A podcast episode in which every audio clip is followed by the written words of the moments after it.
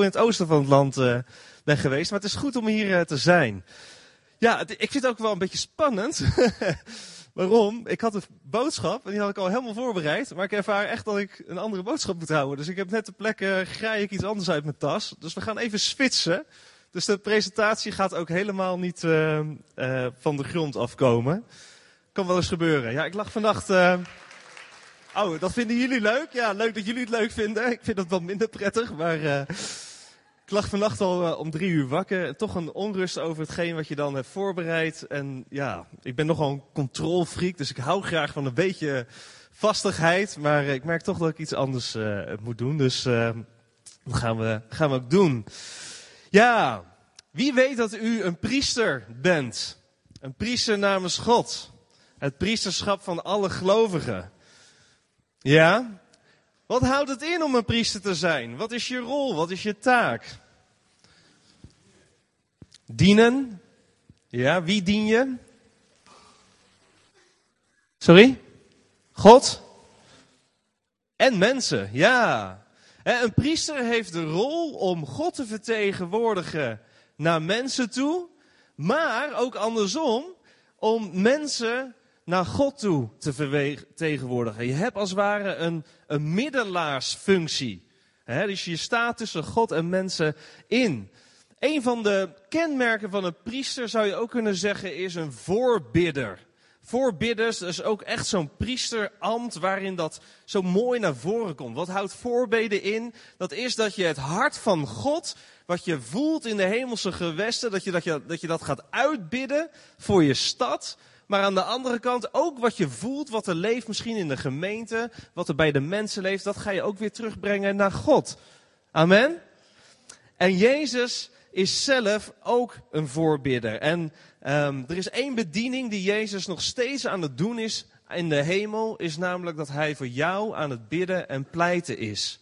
Hij heeft nog steeds een voorbiddersrol in de hemel. En dat staat onder andere in Hebreeën 7, vers 24 en 27. Overigens, als u denkt, wat heb je een rare trui aan um, voor, als predikant. Dat klopt, die was verbonden aan mijn andere preek.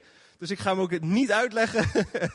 Normaal gesproken draag ik deze trui niet als ik ga spreken. Maar dat, uh, nou ja, um, zometeen bij de koffie wil ik dat best uitleggen. Uh, Hebreeën 7, vers 24 en vers 27. Daar staat het volgende. Hij heeft een priesterschap dat niet op anderen overgaat. Daarom kan hij ook volmaken, uh, volkomen zalig maken wie door hem tot God gaan. Omdat hij altijd leeft om voor hen te pleiten. Want zo'n hoge priester hadden wij nodig. Heilig, onschuldig, onbesmet, afgescheiden van de zondaars en boven de hemelen verheven. Hij heeft het niet nodig, zoals de hoge priesters elke dag, eerst voor zijn eigen zonde slachtoffers te brengen en pas daarna voor die van het volk. Want dat heeft hij eens en voor altijd gedaan toen hij zichzelf offerde. Toen jij vanochtend wakker werd, was je in het hart van Jezus zelf. En hij dacht aan jou. Nog voordat je opstond, leefde je in het hart van God. En hij, hij bidt voor jou. Hij pleit voor jou. Dat is de bediening die Jezus heeft. En dat heeft hij niet alleen in de hemel gehad, hij, hij toonde het ook al op aarde. Ik vind het zo'n mooi moment dat hij op een gegeven moment tegen Petrus zegt, als, als duidelijk wordt dat Petrus hem zou gaan verlogenen, dan zegt Jezus iets heel moois. Weet iemand wat hij dan tegen hem zegt? Petrus, ik zal voor je bidden dat je geloof zal blijven houden, al ga je zelfs door dat moment heen dat je mij verlogent. Moet je nagaan, hè? Dus, dus Petrus, een van de dichtstbestaande vrienden van Jezus hier op aarde. Jezus weet, jij gaat me zo meteen verlogenen. In plaats van Jezus zegt, nou bekijk het maar, zegt hij, nee Petrus, ik ga voor jou als vriend, als, als, als degene die om jou geeft, ga ik voor jou bidden en pleiten dat je geloof zal blijven behouden. Dat je door die moeilijke tijd heen mag gaan en dat je, dat je, dat je geloof um, ja, niet uh, zal, zal schipbreuk leiden, maar dat je daar doorheen zal komen en uiteindelijk nog steeds in relatie zal blijven staan tot mij. Dat vind ik zo mooi. Hè? Dat, dat toont het hart van een voorbidder die zich niet laat leiden door wat hij alleen maar voor zijn ogen ziet gebeuren. Een andere tekst zegt onder andere dat we een voorspraak hebben bij de Vader. En, en een voorspraak in het Engels wordt daar ook wel een advocate, een, een, een advocaat. Iemand die voor je pleit. Hè? In een rechtszaal, als je, als je iets hebt misdaan, dan is daar die advocaat die voor jou wil bidden, of in ieder geval voor jou wil pleiten bij die rechter. Uh, die jouw zaak wil behartigen. Dat is wat Jezus aan het doen is in de hemel voor ons. Ik vind dat zo mooi, hè? Is dat niet al, als ik nu amen zou zeggen en je naar huis zou sturen met die bemoediging, dat er iemand in de hemel is die jou op het hart draagt, die het ziet zitten met jou, die niets liever wil dan, dan dat jij door het leven heen gaat, dat je je geloof mag blijven bewaren en bewaken en dat het mag bloeien. Dat is het hart van Jezus. Nou, als we die Jezus dienen, dat is toch prachtig, of niet? Amen. Ja, dat dacht ik ook. Um, maar God wil niet alleen dat hij zelf, Jezus is niet alleen zelf de voorbidder. Uh, we zien eigenlijk in de Bijbel al heel snel dat er meerdere mensen die rol van voorbidder aannemen. En ik uh, wil gewoon even met jullie even, ik hou altijd van een klein beetje interactie. Kennen we in de Bijbel mensen die voorbidders zijn? Ja. Daniel, ja, die bad ook voor het volk, hè? Absoluut, ja. Iemand anders nog? Abraham, ja, met Sodom en Gomorra. Hè? God, die, dat vind ik ook mooi, hè? Dan, dan, dan, uh, um, uh, het hart van God is, is, hij deelt met Abraham, zijn vriend, wat hij van plan is te gaan doen met de stad. Nou, dat, dat toont al heel veel intimiteit uit. En, uh, en dan gaat Abraham gaat pleiten bij, bij God. Die zegt, maar God, dat kan u niet doen. Weet je, wat nou als er zoveel mensen nog rechtvaardig zijn? Dan gaat hij, nee, dan zegt God, dan zal ik het niet doen. En dan vervolgens gaat dat hele laddertje van 50 volgens mij naar uiteindelijk 10. Hè? Als er 10 rechtvaardigen zijn, Heer, dan, dan gaat u die Sodom en Gomorra toch niet vernietigen. En dan uh, uiteindelijk kiest God ervoor om wel die stad te vernietigen, want die 10 waren er niet te vinden. Maar hij laat neef, de neef van Abraham, die in die stad zat, laat hij uitgaan. En God zegt dan op een gegeven moment in de Bijbel, dat deed hij omwille van zijn vriend Abraham. Abraham had invloed bij God. De agenda van God was niet alleen maar vast bepaald, maar omdat Abraham een vriendschapsrelatie had, had hij invloed bij God. En de andere vind ik ook mooi is Mozes.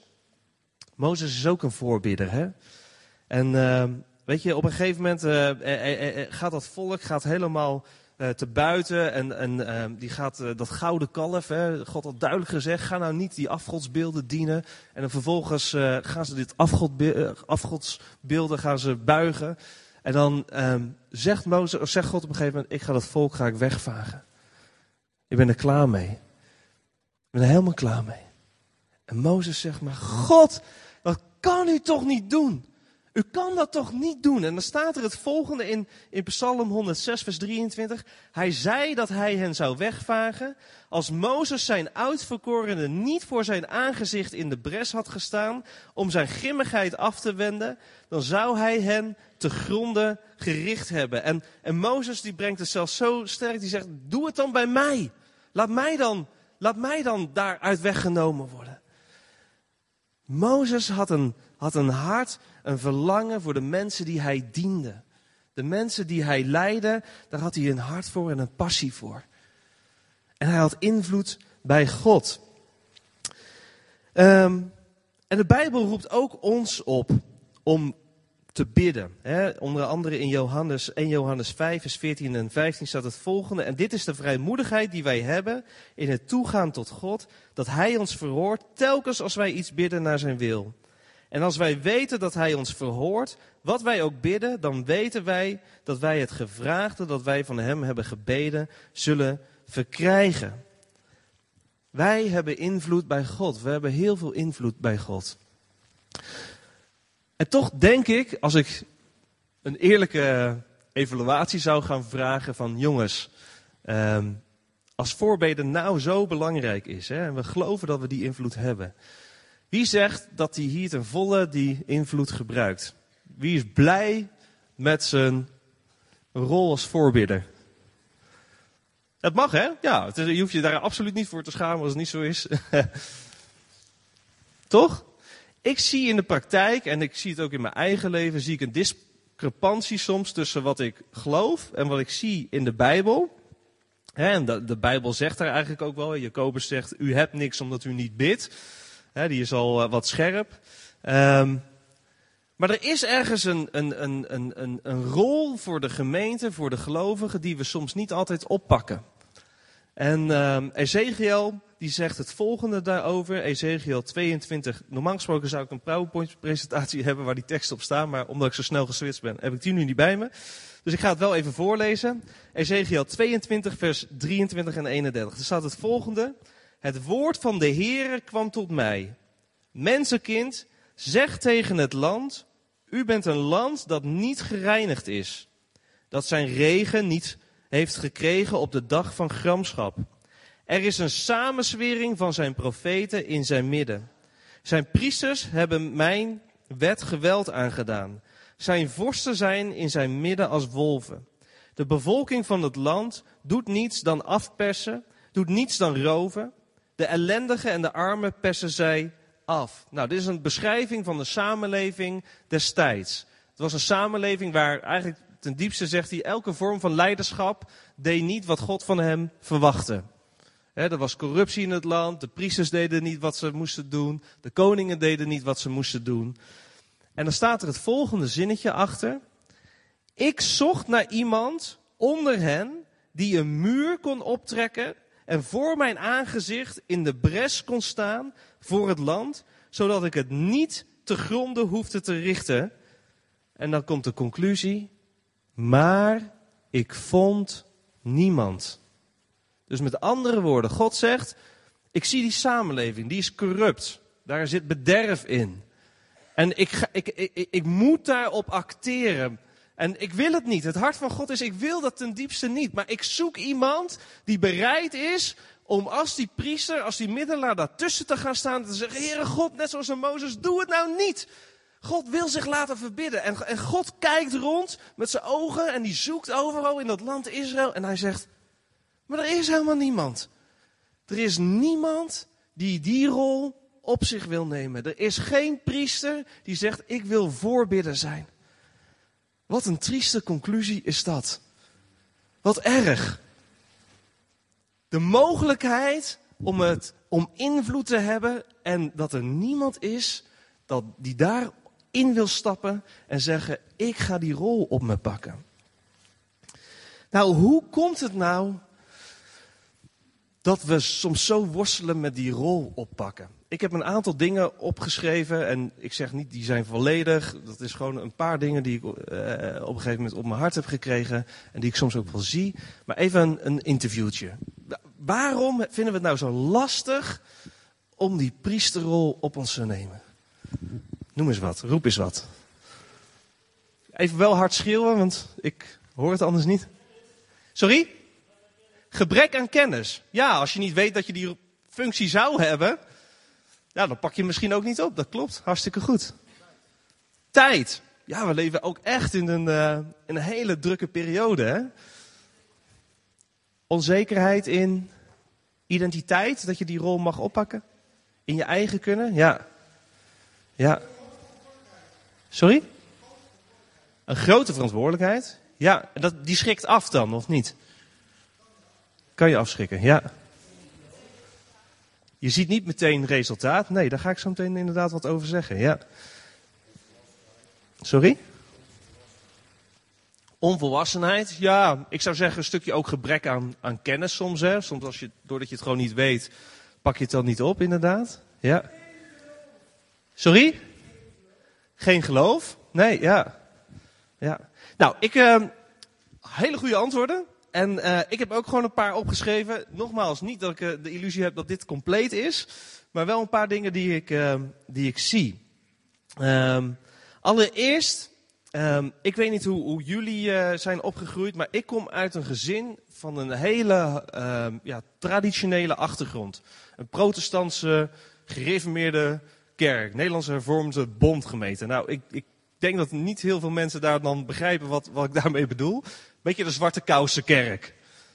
Ik weet niet of dat helpt, maar, um, maar wat houdt dat in? Dat houdt in in de leer dat, um, daar, daar, daar, daar zeggen ze heel sterk, God is soeverein. Hij heeft alles al bepaald. Hij heeft van A tot Z heeft hij het hele leven bepaald en wij zijn arme zondaren en wij, ja, we moeten maar, snap je, er is niks wat wij mogen verwachten.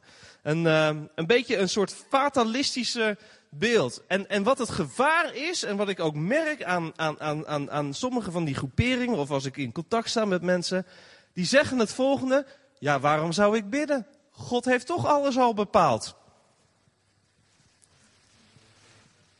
Toch? Als God alles bepaald heeft, ja, wat is dan het nut van bidden? Dan is het gewoon een soort klankbord van, nou ja, even wat ideeën uitwisselen, maar God doet er toch niks mee. Want ik heb die invloed niet. En dit is nou net wat, wat niet het hart van God is. Dit is nou net niet, ik geloof absoluut dat God volledig soeverein is. Hij kan en mag doen wat hij wil, maar hij kiest ervoor om jou en mij invloed te geven. Hij kiest ervoor om, om, om mij en jou aan het stuur mee te laten rijden. En het, het beeld wat ik daarbij heb is soms als wij de straat in rijden. Ik heb een kindje van acht en een kindje van vijf. En dan als we de straat in rijden zeggen ze, papa, papa, mag ik sturen? Dan zeg ik, ja hoor, kom maar op schoot zitten. En dan zit Samuel achter het stuur. Nou, ik kan net boven dat ding uitkijken. Maar dan mag hij meesturen. En ik ben natuurlijk wel in controle. Ik laat hem niet volledig sturen. Maar hij mag mee in de marge meesturen. En hij geniet ervan. Dat is het beeld volgens mij wat God vandaag in jouw hart wil prenten. Namelijk, je mag dicht bij de vader op schoot zitten. Dicht bij zijn hartenklop. Zoals Samuel dan dicht bij mij aan mijn borst zit. Maar hij geeft je ook een stukje regie en invloed over waar die auto heen gaat. Dat is gebed. Op de plek waar jij staat mag jij invloed hebben. En die invloed, ik, ik, ik zeg het altijd maar zo. Um, als jij morgen naar je werk gaat en je ziet dingen gebeuren, dan kan je weinig invloed hebben. Als je niet bidt. Als je niet beseft dat jij een priester bent en dat jij de atmosfeer kan veranderen op je werk. En je gaat niet bidden, dan gebeurt er niet zoveel. Maar als jij ontdekt dat door gebed dingen gaan veranderen, dat de atmosfeer in jouw werkomgeving kan veranderen omdat jij gaat bidden, als daar roddel en kritiek is en jij snapt dat jij daar een priester bent die mee mag sturen en mag zeggen, Heere God, dit is niet uw koninkrijk en daarom ga ik bidden. Zorg eens voordat je naar je werk gaat. Ga je bidden, Heere God, ik bid dat die cultuur van roddel en kritiek weggaat. Die geest van roddel en kritiek, ik verbreek dat in de naam van Jezus en ik zegen deze plek met respect, met eerbied, met ontzag voor elkaar, met liefde, met complimenten. En je gaat zelf zo functioneren, je gaat daar staan. Dan ga je natuurlijk niet, als je binnenkomt in je kantoor, zeggen, oh halleluja, prijs de Heer. Dan, dan denken mensen, je bent een beetje de draad kwijt. Dat doe je natuurlijk daarvoor, hè? En tijdens je werk ga je uitleven wat je hebt gebeden. Dan ben je de ambassadeur. Dan ga je uitleven. Dan ga je daar niet natuurlijk. En als je echt even wil bidden, dan doe je dat even op de wc. Of ze in je hart. Maar dan ga je merken, dan gaan de dingen veranderen. God geeft je invloed. En hij wil zo graag dat je die invloed oppakt. Nou, ook ten aanzien van, ja, hoe zit het dan? Want hoeveel invloed geeft God ons dan? Nou, ik wil eigenlijk het onderscheid maken tussen Gods raad staat vast, maar zijn wegen zijn veranderbaar. Gods raad staat vast, maar de weg, hoe dat gaat, de weg daar naartoe is veranderbaar. Wat bedoel ik daarmee? Ik geloof dat er dingen zijn op Gods agenda die staan vast. Dat heeft hij gezegd, dat zal zo gebeuren. En dat, wat wij ook doen, hij gaat daar komen. Maar de weg er naartoe, hoe die weg gaat, is afhankelijk van jou en van mij. En een prachtig voorbeeld vind ik de Israëlieten. God heeft gezegd, jullie, ik ga jullie leiden vanuit Egypte, dat land van slavernij, naar het beloofde land Israël. Staat vast. Nou, dat was een reis Daar konden ze elf dagen over doen. Elf dagen. Als zij gewoon hadden gedaan wat de Heer had gezegd, was er helemaal niks aan de hand geweest. Dan hadden ze een klein reisje gehad, hadden ze heerlijk van het beloofde land kunnen genieten. En wat gebeurt er? Omdat zij niet Gods weg bewandelen, omdat ze niet doorhebben dat ze die plek hebben, dat ze niet, ze, ze wantrouwen God, ze zijn aan het mopperen, bla bla bla. Wat gebeurt er? De weg die elf dagen duurde, duurde 40 jaar. Hallo! kan het zo zijn dat Zutphen, dat Nederland, dat de manier, onze verlangens voor Nederland, dat God daar dingen naar belooft, aanbelooft, dat hij zegt, ik wil graag dat er in Nederland dit gebeurt, of dat mijn koninkrijk zichtbaar wordt hier in Zutphen. Maar dat de weg de natuur langer duurt, omdat de gemeente, dat jij en ik onze plek niet innemen. Zou dat kunnen? Ik denk het wel.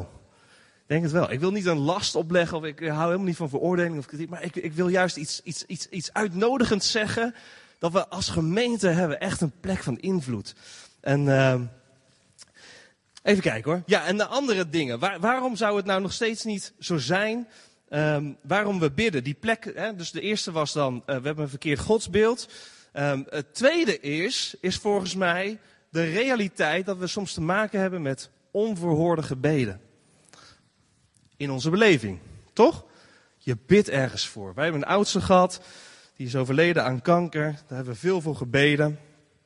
En daar zit, tuurlijk zit daar zit daar teleurstelling omheen. En ik denk dat die teleurstelling moeten we niet wegpoetsen. Snap je? Die moeten we niet doen van alsof die er niet bestaat. In God mag, mag teleurstelling, mag boosheid, mag er allemaal zijn. Ja, we hoeven niet, God roept ons niet op om altijd een soort happy prodent smell op ons gezicht te hebben. Van, oh, het gaat altijd fantastisch. Nee, zo gaat het niet. Er is soms ook verdriet en teleurstelling. Maar, en dit is de uitdaging, wat ik merk, vaak in de verdriet en de teleurstelling komt de boze met een leugen die het beeld van God verandert of het beeld van jou verandert. Herken je dat? Dus teleurstelling komt je en opeens kan daar een gedachte, je bent verdrietig. En tuurlijk, dat mag er zijn. Maar opeens ga je denken, ja, misschien ziet God het wel niet zitten met mij. Misschien heb ik wel helemaal geen plek van invloed. En opeens merk je, komen daar kleine leugentjes. En die leugentjes maken dat je niet meer die vrijmoedigheid hebt om in die priesterrol te stappen, om God te vertrouwen voor grote dingen. Ik zou je eens gewoon een heel persoonlijk gebiedje bij ons in ons eigen leven willen delen. Wij hebben het verlangen al jaar en dag voor een derde kindje. Gebeurt niet. Hebben voor gebeden, voor laten bidden. We hebben de hemel en aarde bewogen. Maar het gebeurt niet. Is dat lastig? Ja, tuurlijk is dat lastig. Maar weet je wat het vuile is? Op een gegeven moment zei Tjitske, ja, misschien geeft God wel geen kindje omdat ik een slechte moeder ben. En toen dacht ik, moet je nagaan hoe vies, hoe vuil de vijand is om je beeld van jezelf en van God te vernietigen. Heb je dat door? Het is zo demonisch, zo'n gedachte. Hij wil niets liever dan om het kapot te maken, om het beeld van de goede vader te vernietigen. Misschien is het gewoon even goed om nu even al een tijd van Even stilte en reflectie. Mag ik gewoon vragen om eens even je, je ogen te sluiten en even bij jezelf te raden te gaan.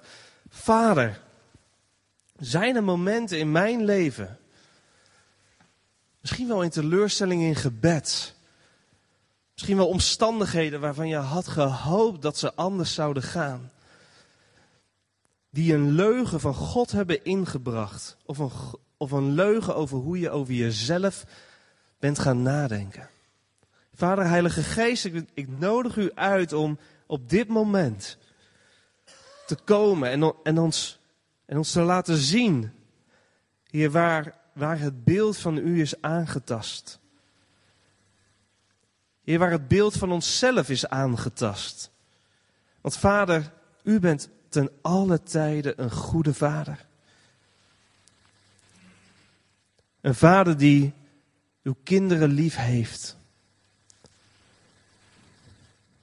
En Heer, wij zijn zonen en dochters van de levende koning. Heer, we hoeven niet van de broodkruimels te leven.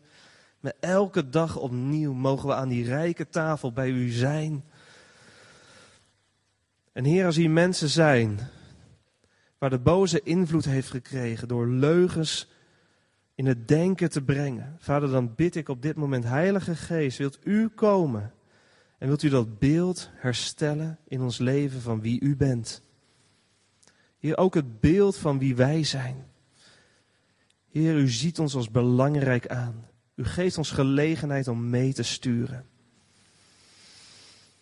Heer, elke leugen, Heer, nemen we gevangen onder de autoriteit van Jezus Christus. En Vader, ik wil u vragen, wilt u daar uw waarheid tegenover stellen? In de naam van Jezus. Amen. Amen. Um, als derde, hè, dus het, het beeld van God als de God die soeverein is en niet te veranderen is, of de teleurstelling waar we mee te maken hebben, waardoor het beeld van God is aangetast en het beeld van zoals. En als derde denk ik um, ook wel de tijdgeest. We leven ook wel een beetje in de tijdgeest van, Heer, ik wil het nu en uh, liever gisteren dan morgen. Toch? Ik denk ook dat we reëel moeten zijn voor het feit dat God een God van processen is. En niet altijd meegaat in onze magnetron maaltijdcultuur. Toch? En dat is lastig, want dat betekent dat we ook gewoon soms volharding moeten leren. Dat ons karakter gevormd moet worden. Dat we moeten leren om aanhoudend te bidden. Moeten blijven vertrouwen op God. En dat is gewoon een weg van discipline en discipelschap. En, en dat is natuurlijk in alle tijden waar. Ik geloof dat God daarin niet verandert. Maar onze cultuur is dermate veranderd dat wij het gewoon lastig zijn gaan vinden. Nou, waarvoor kan je dan bidden? Ik denk, ouders. Hier zitten ouders. Wie zijn hier ouders van kinderen? Jongens, jullie hebben echt zo'n gigantische invloed door gebed. Realiseer dat. Of je kinderen God nou kennen of nog niet kennen, maar jouw rol van gebed is zo gigantisch krachtig. Ik heb me dat nooit volledig gerealiseerd totdat ik het volgende meemaakte. Ik kom uit een christelijk gezin. En uh, mijn vader is, is, een, is een bidder. Als ik dronken thuis kwam om vier uur s'nachts, lag mijn vader op zijn knieën te bidden. En uh, dat was altijd een hele aparte setting, want ik kwam uh, laddertje zat, kwam ik binnenzetten en hij dacht dat hij op dat moment nog een geestelijk gesprek met mij kon voeren. Dan zei hij, hey, heb je die preek van vorige week nog onthouden? En ik dacht wel, nou, nou ja, daar zat een soort mismatch. Maar hij was wel een voorbidder. En uh, op een gegeven moment ben ik met vrienden naar de Schelling gegaan. Dat is een periode dat ik ben gaan experimenteren, ook met, met blowen en met alcohol. En op een gegeven moment lag ik in een tent en ik kreeg een bad trip. Dat betekent dat de combinatie tussen het gebruik van drugs en het gebruik van alcohol ging gewoon volledig verkeerd. Wat er gebeurde in mijn beleving was, het was voor mij ik lag in die tent en er, kwam zoveel angst en zoveel duisternis. Het leek net alsof er een soort koepel was, waarvan ik me nooit had gerealiseerd dat er een koepel was. Een koepel van bescherming noem ik het maar. En die werd omhoog getrokken. En het leek net of er allemaal demonische invloeden de gelegenheid kregen om angst, om, om, om, om alle nou ja, negatieve emoties, die kregen de ruimte. Maar het was heel gek, want ik had terwijl dat gebeurde en terwijl ik, eh, eh, ik, ik, ik riep ook schreeuwend, papa vergeef me, vader vergeef me. En uh, de volgende dag liep ik uh, over de camping met mijn wc-rolletje en iedereen zei, hey, kijk, daar heb je je vader vergeven. dat was ook wel een beetje apart. Maar terwijl het gebeurde, um, had ik echt de ervaring, die koepel wordt niet volledig weggetrokken. De duisternis krijgt niet de volledige ruimte, terwijl het gebeurde. Het was een heel rare ervaring. Nou, ik kom die week kom ik terug. En uh, ik was bij mijn ouders. En mijn vader zei, Pieter Jan, welkom thuis. Hij zegt, je hoeft me niet te vertellen wat er die woensdagavond is gebeurd. Maar ik wil dat jij weet dat ik voor jou heb gebeden. Ik kreeg een gebedslast over je en ik ben gaan bidden en ik ben gaan pleiten voor je leven. Dat is invloed, mensen. Dat is de rol van een voorbidder. Die koepel van bescherming, waarvan ik niet wist dat die er was en ik al lang bezig was om God los te laten, die was daar continu nog steeds aanwezig. Totdat ik zo ver de bloemetjes buiten ging zetten, dat God zei, oké, en nu laat ik je even proeven wat het is als ik die koepel ga weghalen. Maar ik weet zeker, dat is de rol van, van een biddende ouders geweest. Sorry? Nee, nee, ik heb wel nog ecstasy gebruikt en dat is onder andere deel van mijn bekering geworden. Toen ben ik echt helemaal het padje uitgegaan. en, maar toen heb ik ook heel duidelijk Jezus ontmoet. En een duidelijke bevrijding, maar dat is een heel ander verhaal. Dat gaan we nu niet doen. Maar uh, een gemeente die bidt. Hè? Ook als gemeenschap. Hè? Niet alleen ouders, maar als gemeente. Je hebt invloed. Je hebt invloed in Zutphen. Ja?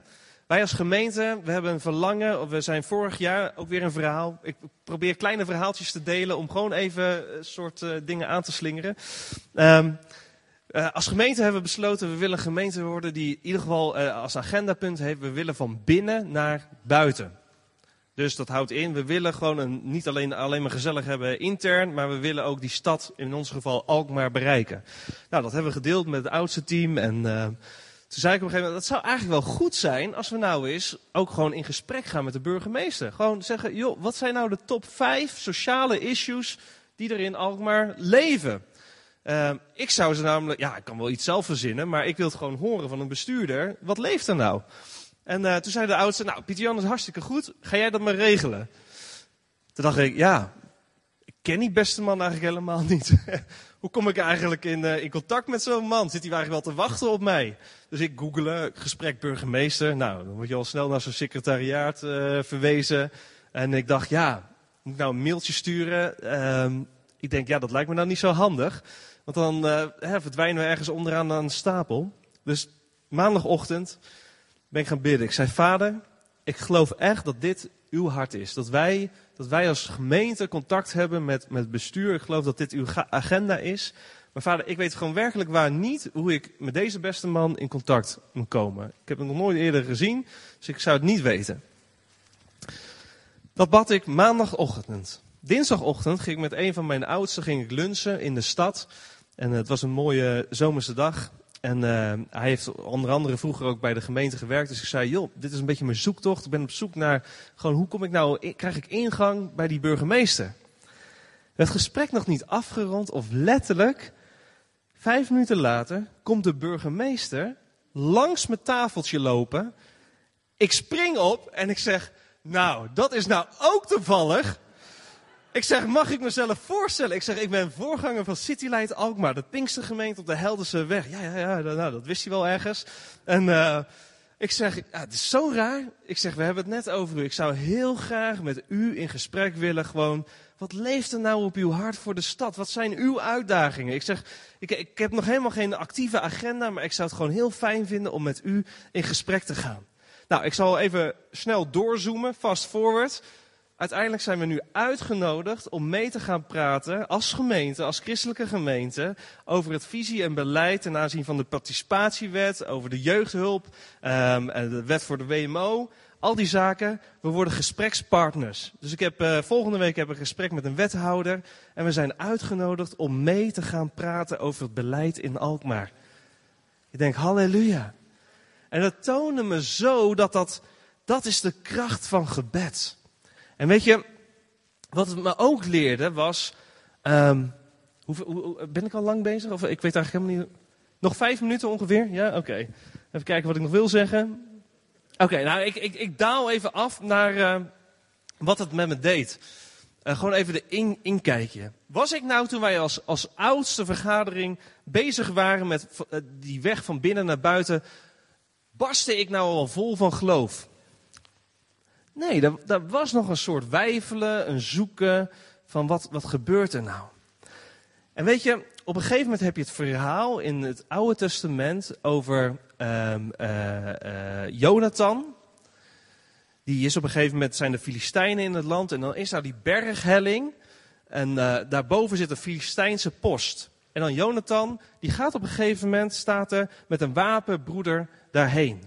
En ik denk dat hij gewoon uh, dacht van, nou, ik heb wel zin in een robbetje vechten. En dan zegt hij tegen de wapenbroeder, hey, laten we eens kijken, wellicht, misschien staat er letterlijk, dat de Heere met ons is en die Filistijnse post in onze handen gaat geven.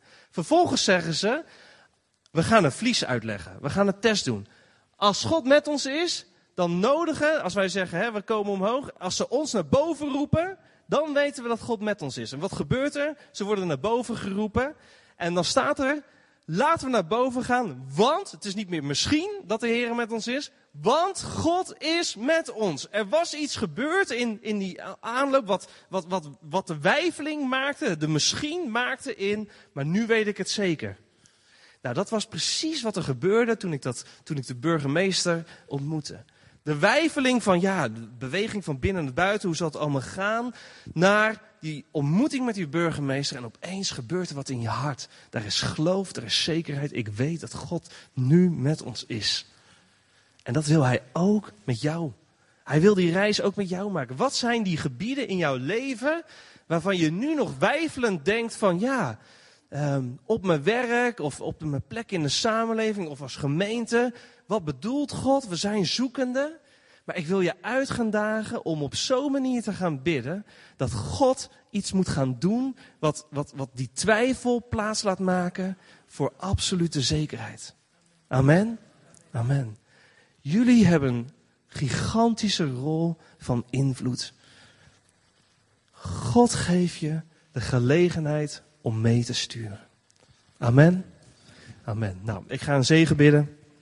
En dan uh, gaan we afsluiten. Lieve Vader, dank u wel, Heer, dat we zo mochten spreken, Vader, dat uh, u bent een God, Heer, die niet ver afstaat, Heer, maar u bent heel dichtbij. En Heer, u heeft niet gezegd van, nou, ik trek aan alle touwtjes, dat doet u wel, maar u geeft ons, uw eigen kinderen, geeft u invloed in de samenleving. U geeft ons invloed op ons werk. Daar waar je morgen komt, daar waar morgen je voeten staan, waar je zit op je werk of thuis, weet dat je invloed hebt. Je hebt invloed. Je bent een priester. En God wil niets liever dan, dan zich laten verbidden.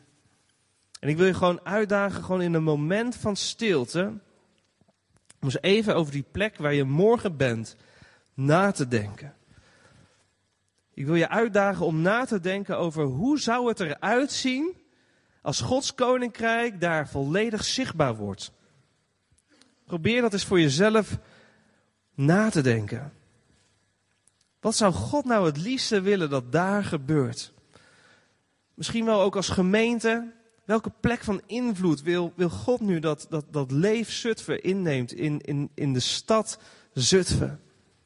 Probeer daar eens over na te denken. Heilige Geest, u vragen om ons hart, onze gedachten te vormen.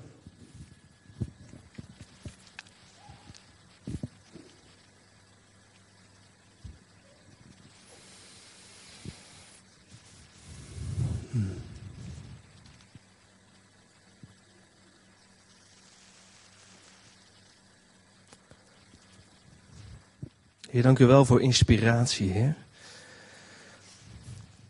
Heer, dank u wel dat u ons wilt gebruiken om uw koninkrijk zichtbaar te maken. Heer, om invloed te hebben op de samenleving, Heer. En ik wil gewoon vragen en uitdagen om misschien met jezelf wel een afspraak te maken en met je omgeving een afspraak te gaan maken. Wat gaat jouw tijd worden de komende periode? Je plek samen met God om een voorbidder te zijn. Een voorbidder voor je kinderen, een voorbidder voor je familie, een voorbidder voor je straat, een voorbidder voor je werkomgeving. Weet je, als je dat in je hart draagt en je zegt, ja Heer, ik wil dat doen. Dan heb ik één ding geleerd, dan is het belangrijk om een afspraak met jezelf te maken en een afspraak met je omgeving. Niet als een soort wet of een last als dat eens een keer niet gebeurt. Maar je kan zo snel uit een samenkomst weglopen met het idee: wauw, ik voel mijn hart aangeraakt en vervolgens zijpelt alles weer weg. Wil je vragen, wat is de afspraak die je met jezelf en met je omgeving wilt maken. Wat is het uurtje in de week of misschien wel per dag of voor iedereen zal dat verschillend zijn dat je zegt: Oké, Heer, dan ga ik tijd apart zetten voor u. Dan wil ik, je bent natuurlijk altijd een priester, maar dan wil ik echt even tijd apart zetten om, om met u te zijn. Vader, dank u wel, Heer, dat u met ons allemaal persoonlijk op een unieke manier wil omgaan, Heer. Heer, we zijn niet om nieuwe regeltjes of wetten neer te leggen, Heer, maar we willen wel gedisciplineerd zijn, Heer. We willen wel gewoon een, een volk van karakter zijn, Heer, voor u. En Heer, ik wil gewoon dat momentje wat we in gedachten hebben. Misschien heb je wel een plek ook in gedachten. Ik zit altijd heerlijk op een grote stoel thuis. Anderen zullen een moment hebben in de natuur of een lekkere wandeling. Maar Heer, ik wil die tijd die we in gedachten hebben genomen, Heer, wil ik echt zegenen en vrijzetten. Heer, ik wil dat dat een moment wordt zoals Adam in de hof wandelde met God.